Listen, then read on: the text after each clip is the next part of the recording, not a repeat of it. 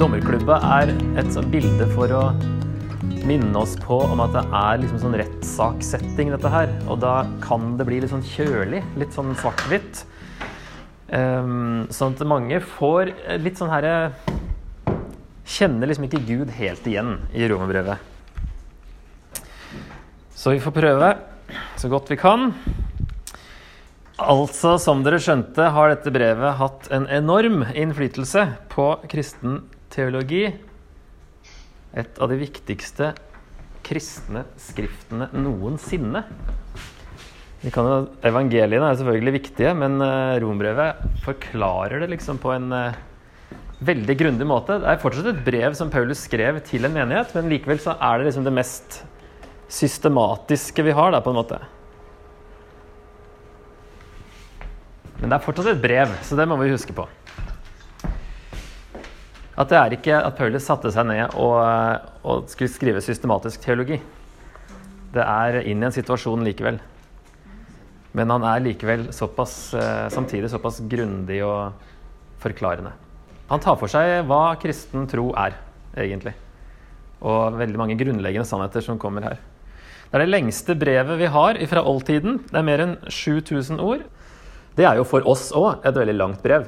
I oldtiden så var det jo um, det lengste, og dobbelt så langt som uh, den forfatteren som ligger på andreplass etter Paulus. Og jeg husker ikke hvem det var i farten. Men Paulus skrev de lengste brevene fra oldtiden. Vanlig lengde var sånn andre og tredje Johannes, som er uh, de korteste vi har i Bibelen. Så det er lov å synes at dette er et langt brev. Og Det er kanskje det eneste brevet Paulus skrev til en menighet han ikke hadde grunnlagt eller besøkt. Jeg burde egentlig tatt med at Kolossebrevet og sannsynligvis har han ikke sett mm, si, besøkt sjøl, da. Så romerne og kolosserne. Og her altså forklarer han det grunnleggende i kristendommen. Den historiske situasjonen da, for eh, romerbrevet eh, Apostelens gjerninger 2 var det jo folk fra Roma i Jerusalem um, og hørte evangeliet sant, på pinsedag. Det står nevnt der bl.a. at det var jøder fra Roma som var der. Og så um, dro de hjem igjen, og så ble kanskje menigheten planta allerede da i Roma. Trolig jødekristne, da, første, mange av de første medlemmene. Og så leste vi også i Apostelens gjerninger 18.2, og det korresponderer med år 49 etter Kristus, da, at eh, det var da keiser Claudius utviste de 40 000-50 000 jødene fra Roma pga. uroligheter forårsaket av Krestus, sier den romerske historikeren Suetonius. Um, inntil år 70, da tempelet ble ødelagt, så ble kristne og jøder sett på som én gruppe. Romerne de skjønte ikke at kristne var noe annet. da eller messiastroende jøder, var noe annet enn eh, de fleste andre jøder. Eh, men etter at tempelet ble ødelagt, så skjønte de at det var en forskjell. Så her har nok, eh, før det da, så har nok Claudius bare utvist alle jøder, uansett om de trodde på Krestus eller ikke. Og Krestus er jo da Kristus, bare skrevet på en litt annen måte. Ettersom man ikke hadde ordbøker den gangen og kunne skrive ting litt forskjellig. Så det var noen uroligheter. Kanskje de diskuterte for mye eller et eller annet. Jeg tror ikke vi vet så mye mer om det, men i hvert fall så ble alle jødene utvist i år 49. Og så, hvis vi leser Romerne 16 Altså her i, i uh, Apostelens gjerninger 18.2, da, det er der han møter dette, dette paret, husker dere? Mann og kvinne som uh, gode medarbeidere av Paulus som uh, reiser litt rundt, de også. Aquila og Priscilla, eller Aquilas. Og i 16.3 så skriver Paulus 'Hils Priska, eller Priscilla, da, og Aquilas, mine medarbeidere i Kristus'. Så når han skriver brevet altså de ble, Paulus møter dem i Apostelens gjerninger 18.2 fordi de har blitt kasta ut av Roma. Eh, de er jøder, jøder da, som ble kasta ut. Men når han skriver rombrevet, så er de jo tydeligvis tilbake i Roma, siden han hilser til dem. Og det er altså etter år 54. Da døde Claudius. Da var det faktisk selveste Nero som ble keiser. Eh, han var ikke så verst eh, i starten, men han ble i hvert fall verre etter hvert. Men Uansett, da, så når det var en ny keiser, så ble alle sånne, sånne konkrete bud, som den utvisningen, ble annullert. Og da var det plutselig lov for jødene å komme tilbake igjen. Så da um, virker som de har gjort det, de Priscilla og Akvilas også. I mellomtiden, da, i ca. fem år, så har jo menigheten blitt veldig hedningekristen i preget. Og jødekristne og hedningkristne hadde ulike måter å uttrykke troen på, og dette førte da til splittelse, som vi ser spesielt i kapittel 14, som uh, snakker om sabbat og uh, igjen dette her kjøttet som er ofra til avguder, og uh, vin som er blitt ofra til avguder.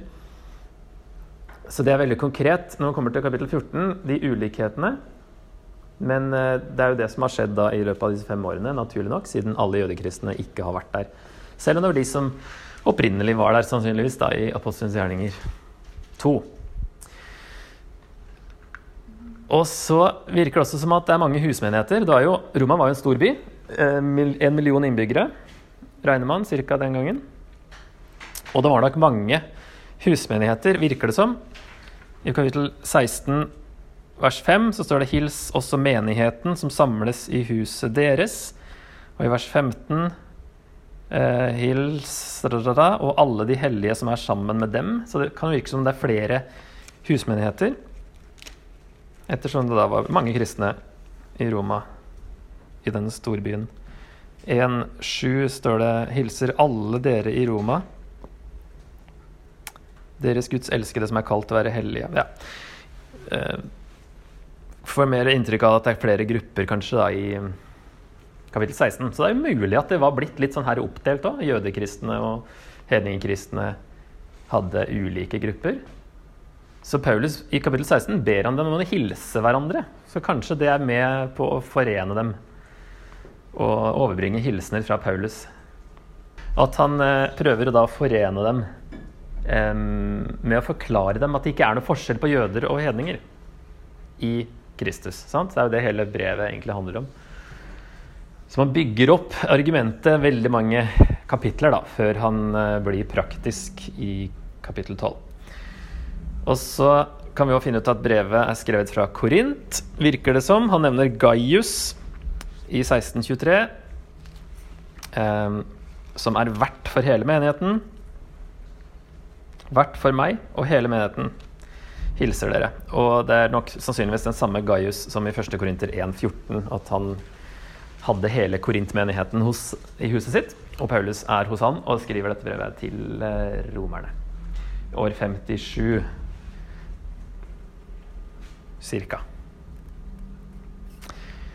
Så det er eh, det som på en måte gjør at dette brevet ikke bare er systematisk, eh, systematisk teologi. At Paulus nå, nå skal jeg forklare kristendommen, og så sender vi det til, tilfeldigvis til Roma. Liksom. Det er ikke sånn det er ting her som tyder på at det er en konkret grunn. Men det er nok flere grunner, som vi snart kommer til. da. Men det her er en av de, å forene de jødekristne og de eh, hedningekristne.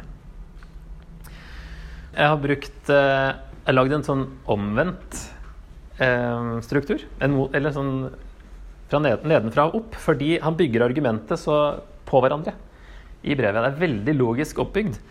Så derfor tenkte jeg at vi leser nedenfra og oppover når vi skal nå se på strukturen. Så i dag så er det da 1.1 til 3.20. Alle er syndere. Det er eh, kort oppsummert det Paulus sier. Eh, kapittel 1 om at hedninger er syndere. I kapittel 2, litt ut i 3, at jøder er syndere. Og så oppsummerer han med at alle er syndere. Og det er jo for å slå beina under alle som tror de har et fortrinn utenom den rettferdigheten som Gud gir ved tro på Jesus. Så det er for at alle skal stille på bar bakke, så bruker han Det virker som det er en liten digresjon da, fra 1.18 og utover. Han er, vender tilbake igjen til liksom der han var i 1.17, med en Guds rettferdighet som gis, når han kommer til 3.21. Så, men det er en viktig digresjon, um, der han da forklarer uh, Vi er syndere. Alle står skyldige foran Gud. Og så 3.21 til 5.21. Alle blir frelst på samme måte. Så da kommer frelsen. Da blir det mer positivt. Først forklarer han rettferdigheten ved tro i slutten av kapittel 3. Og så er det kapittel 4 om Abrahams rettferdighet, og kapittel 5 om hvordan Jesus eh, retter opp det som Adam ødela. Så da har vi en sånn sammenligning mellom Adam og, og Jesus, sånn at nåden overvinner synden. Og så, etter frelsen, hva skjer da? Når man er blitt frelst? Ja, nemlig. Det stopper jo ikke da. ikke sant? Det er bare starten. Så da er dette ordet helliggjørelse som da er brukt her. i hvert fall. Alle helliggjøres på samme måte. Kapittel 6 til 8. Og da kapittel 6 om hedninger som er døde for synden. Kapittel 7 at jøder er døde for loven. Og kapittel 8 om at ånden setter alle fri. Det er jo eh, Her begynner det å bli veldig bra i kapittel 8. um, men det er liksom bygger videre hele veien, og det er likt hele veien. Alle er syndere, uansett om det er jøde eller hedning. Alle er frelst på samme måte ved tro på Jesus, uansett om det er jøde eller hedning. Alle helliggjøres på samme måte ved ånden, uansett om du er, hellig, om du er jøde eller hedning. Og da kommer det logiske spørsmålet. ok, Hvis det ikke er noen forskjell på jøder og hedning, hva er det poenget med Israel og altså forskjellen, altså Hvorfor valgte Gud ut Israel og sånne ting? Så kapittel 9-11 Guds forhold til jøder og hedninger. Kapittel 9 barn av løftet. Kapittel 10 alle frelst ved å påkalle hans navn. Og kapittel 11 om Guds sanne folk, der han har dette bildet av det treet. Guds folk er som et tre, der greinene, de naturlige greinene, er jødene. Men de brekkes av hvis de ikke tror. De er ikke på treet bare fordi de er fysiske jøder. Og så kan hedninger som egentlig vokste på et helt annet vilt tre, få lov å bli en del av dette treet her pga. tro. Men så må ikke de bli arrogante overfor de jødene som har blitt brukket av. Fordi Gud kan plutselig, hvis de kommer til tro, så kan de få bli en del av treet igjen. Så der tar han eh, Forklarer det om Guds folk som et tre. Og så er det liksom 12 til 16 som er Paulus sin anvendelse av kapittel 1 til 11. Så ganske mange trinn da, og oppbygning til han kommer til eh, anvendelsen og det praktiske, som jeg har oppsummert som ta imot hverandre slik Kristus har tatt imot dere, som går på det her med splittelsen sant? og forene dem. Og så har han forklart så lenge, i kanskje tre kvarters lesing, at det ikke er noe forskjell på dem. Uansett. Um, og derfor må de ta imot hverandre, fordi alle har blitt tatt imot av Kristus. Akkurat som de er, pga. Eh, at de tror på Jesus. Greit så langt?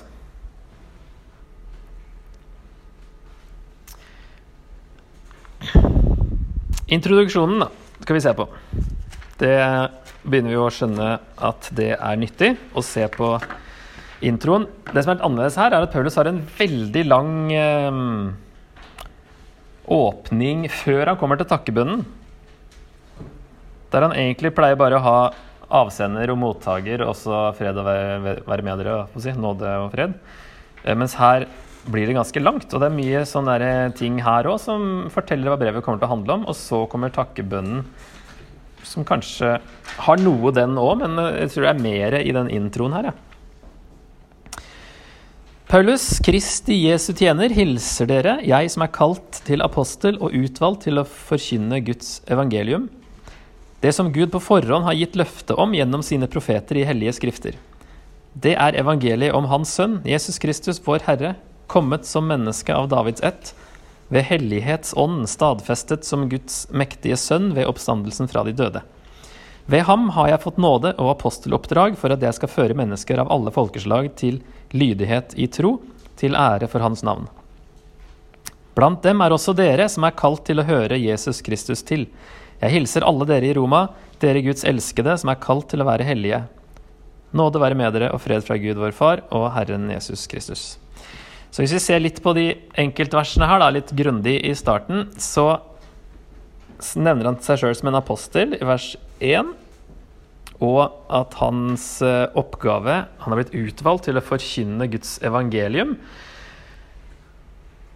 Og det tenker man er kanskje en grunn til at han skriver til romerne.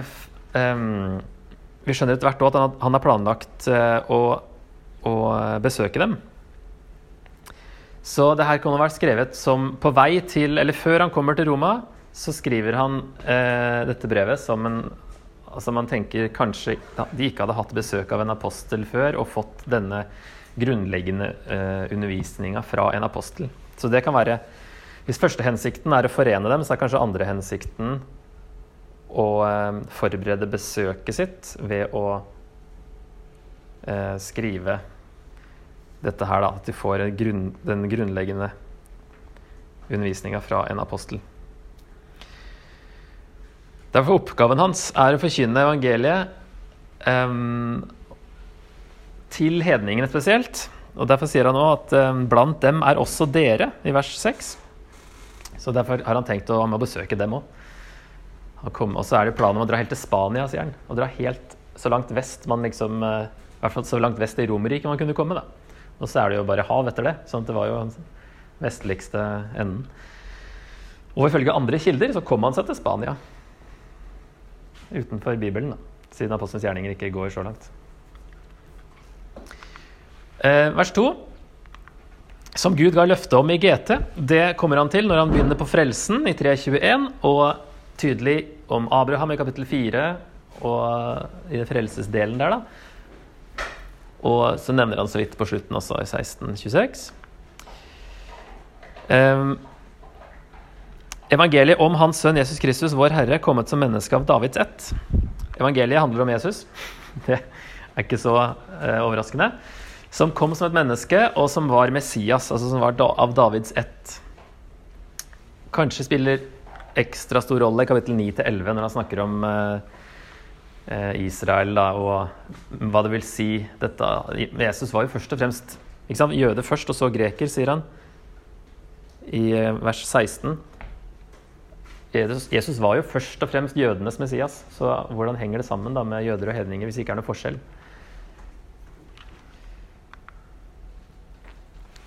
ved hellighetsånd stadfestet som Guds mektige sønn ved oppstandelsen fra de døde. Egentlig bare kopiert det han sier, at ånden stadfestet det. Han kommer jo også til å snakke om ånden senere. Og så er dette med Paulus sitt kall til hedningene. Ved ham har jeg fått nåde og aposteloppdrag for at jeg skal føre mennesker av alle folkeslag til lydighet i tro, til ære for hans navn. Så Paulus sitt kall til hedningene, det er hvorfor han skriver. Kommer tilbake til det senere i kapittel 1. 1, vers 13. Jeg vil at dere skal vite, mine søsken, at jeg ofte har satt meg fore å komme til dere, men jeg er blitt hindret helt til nå, for jeg ville gjerne høste frukter også hos dere, som blant de andre folkeslagene. Grekere og barbarer, lærde og ulærde, stå, alle står jeg i gjeld til. Derfor ønsker jeg å forkynne evangeliet også for dere i Roma. Han står i gjeld, altså på en måte han har fått en oppgave av Gud som han eh, betaler tilbake på en måte ved å forkynne til folkeslagene. Eller hvert fall så føler han at han står i en slags gjeld til å gjøre den oppgaven Gud har gitt ham. Så hvis han ikke får gjort det, så, så skylder han Gud noe. Ikke forveksla det med at vi skylder Gud noe i frelsen, men dette er noe som Paulus føler på i kallet sitt. da. Og igjen i kapittel 15 mot slutten så kommer han inn på det samme, at han har tenkt å besøke dem. Og, og så er det troens lydighet, altså lydigheten som kommer av troen. For her står det vel lydighet i tro. Men at det handler spesielt kapittel 6-8 om. Hvis vi ikke har loven Det er litt sånn Galaterbrevet-temaer. Hvis vi ikke har loven, hvordan skal vi da kunne leve rett? Og så sier han at eh, evangeliet er det som Du får en lydighet ved troen. Troens lydighet. Lydigheten som kommer av troen. Og at alt handler om å gi Gud ære. Og så vers 6, ja. De kristne i Roma tilhører Jesus. Gud kaller mennesker til seg. Og vers 7. Gud elsker menigheten, og de kristne er kalt til å leve hellige liv, som igjen nå kommer i kapittel 6 til 8. Dette med hvordan vi vokser som kristne ved ånden etter at vi har blitt frelst ved tro. Ja, Litt frampek er det i hvert fall her òg. Eh, så hvis vi skal oppsummere de hensiktene med brevet, så er det det man kaller pleier å skille mellom tre. Da. En pastoral, en eh, misjonal og en, eh, teologisk. Så en pastoral hensikt er å forene dem. Paulus er perfekt for denne oppgaven, som en jøde kalt til hedningene. Den misjonale hensikten er å forberede besøket, som han uh, har tenkt å komme på besøk til dem. Da. Han har planer om å besøke dem på vei til Spania og få hjelp til reisen videre, som han snakker om i kapittel 15. Og det er et slags introduksjonsbrev av Paulus og hva han forkynner. Og så er det teologisk å forklare evangeliet. Om det kanskje ikke hadde fått denne grunnleggende undervisningen fra en apostel allerede. Så av og til så er det litt uh, flere hensikter med et brev. Uh, Filippe-brevet òg ser ut til å ha mange hensikter. Og det er bare bra, det, om et brev kan uh, dekke flere behov. Så her er det en konkret grunn, eller konkret situasjon i menigheten som gjør at Paulus skriver dette her, og samtidig så forklarer han det så grundig, da. Og har tenkt å komme og besøke dem. Ok, vi rekker å ta litt om brevets tema. Kjente vers 1, 16 og 17. For jeg skammer meg ikke over evangeliet. Det er en kraft, Guds kraft til frelse for hver den som tror. Jøde først, og så greker. For i det åpenbares Guds rettferdighet av tro til tro, slik det står skrevet, den rettferdige skal leve ved tro. Og det ser du, det er masse 'for' i hver setning her. Det er ikke alltid de er med i denne her, i hvert fall. Men det kommer jo ut fra vers 15. Jeg ønsker å forkynne evangeliet også for dere i Roma. For jeg skammer meg ikke over evangeliet, for evangeliet er en Guds kraft til frelse. For i det, i evangeliet, åpenbares Guds rettferdighet av tro til tro. Så evangeliet er budskapet, og det er det budskapet han vil ta til Roma. Derfor kommer han inn på det nå da, i, i vers 16 her. Eh, så blir det veldig sånn teologisk nå, fram til han kommer tilbake igjen til liksom, sine egne planer og tjeneste og sånt i kapittel 15. Og blir jo egentlig ikke så veldig konkret angående romerne heller, før i kapittel 14. Så det er en sånn upersonlig del da, som starter her. Som da virker som en overgang til hoveddelen av brevet. Ikke sant? Ha en sånn personlig åpning. Og så kommer liksom argumentet og hoveddelen. Og at det har vært en sånn brevinnledning fram til nå, da. Tro er jo et nøkkelord. Hva er den som tror? Av tro til tro, leve ved tro. Det blir òg viktig i brevet. Hva er den som tror, er et uttrykk òg fire andre steder. Også fra kapittel tre og utover. Og det handler hver gang om å forene jøder og hedninger. Når han bruker 'hver den som tror', så er det sånn at det kommer ikke an på om du er jøde eller hedning. Dette her gjelder hver den som tror. Og at Guds plan på en måte åpenbares, avsløres. Um, at det er av tro og til tro, at det er bare tro det handler om. Og så har han nevnt Guds rettferdighet her i vers 17. Og det er jo noe han kommer til å nevne ganske mye, så det må vi eh, kikke litt på. Vi har jo gjort det allerede i Galaterne. Ordet rettferdighet, som var en sånn juridisk frifinnelse. Ehm, det greske ordet har egentlig tre betydninger, og to av de brukes i romerne. Så da må vi bare se um, Skille litt uh, mellom de ene måten er når det brukes uten at tro er nevnt. Guds rettferdighet, f.eks. i 3.5. Men dersom vår urett, urett, fremhever Guds rettferdighet, da går det på Guds karakter, at Gud er rettferdig. Ikke sant? Så når det står Guds rettferdighet i overskriften her, så i 3.5 så går det på Guds karakter. Men når han snakker om Guds rettferdighet ved tro, så er det noe annet. ikke sant? Så med og uten tro kan ha forskjellig betydning. Um, så karakter er en av de tre måtene, eller tre definisjonene, måte, eller tre betydninger, da, av dette greske ordet. Og når det brukes sammen med tro, som det gjør her i 1.17 bl.a., da er det om Guds handling, om å gjøre rett igjen. Rettferdiggjøre. kan jo tenke Det er ikke liksom rettferdig som i uh, fair, altså sånn på engelsk. Urettferdig og rettferdig, men, men å gjøre rett igjen. Som vi bruker som et synonym på frelse, egentlig. da. Så har de to andre er han, Guds handling og en status. Så er på en måte, en, for å bruke litt sånn grammatiske ord, da, en subjektiv og en objektiv um, betydning. I tillegg til karakter. Så Guds karakter noen steder at Gud er rettferdig, men så gir han den rettferdigheten, sin egen rettferdighet, gir han til den som tror, sammen med tro. Um, sånn at vi, statusen vår, endres.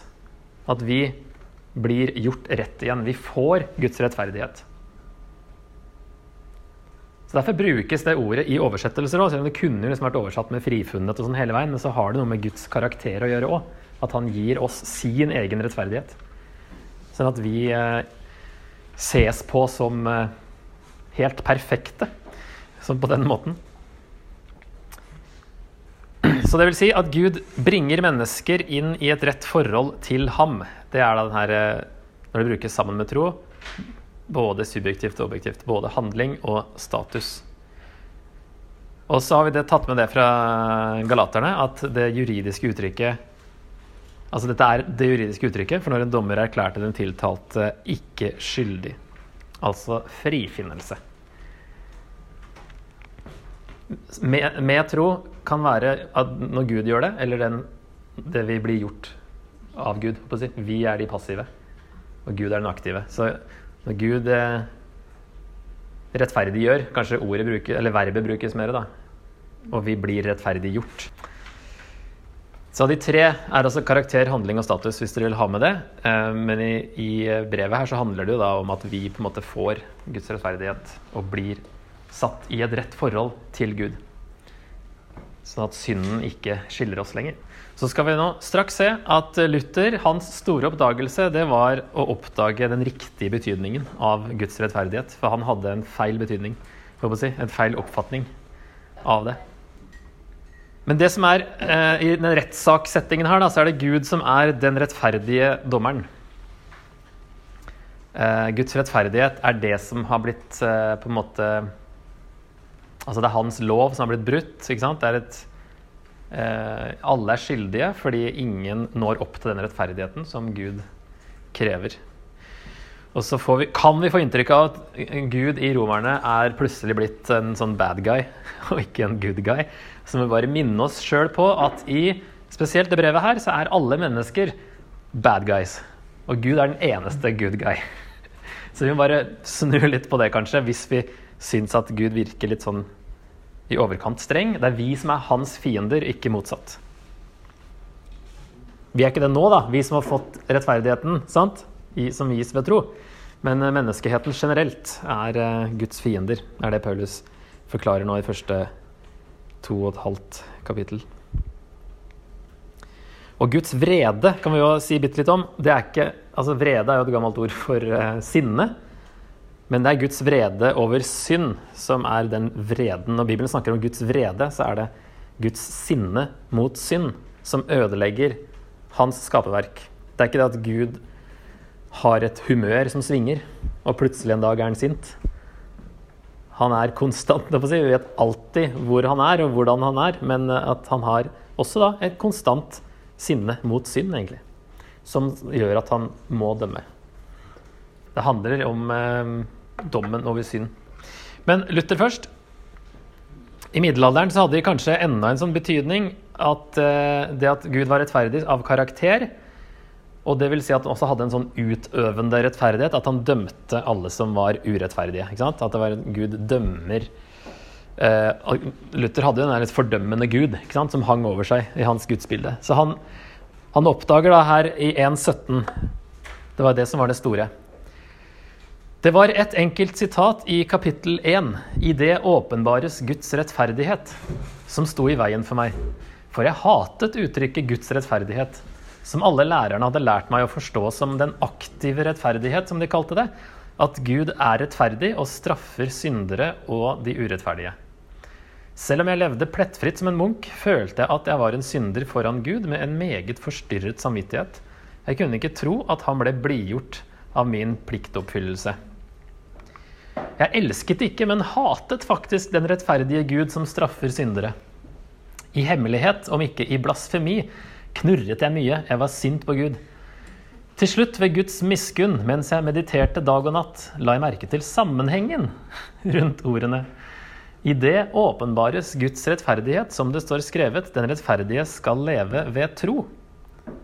Da begynte jeg å forstå at Guds rettferdighet er det som den rettferdige lever ved, som en Guds gave, nemlig ved tro.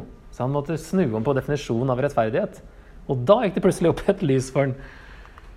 Dette er da meningen. Guds rettferdighet åpenbares av evangeliet, nemlig den passive rettferdighet, som den nådige, nådige Gud rettferdiggjør oss med ved tro.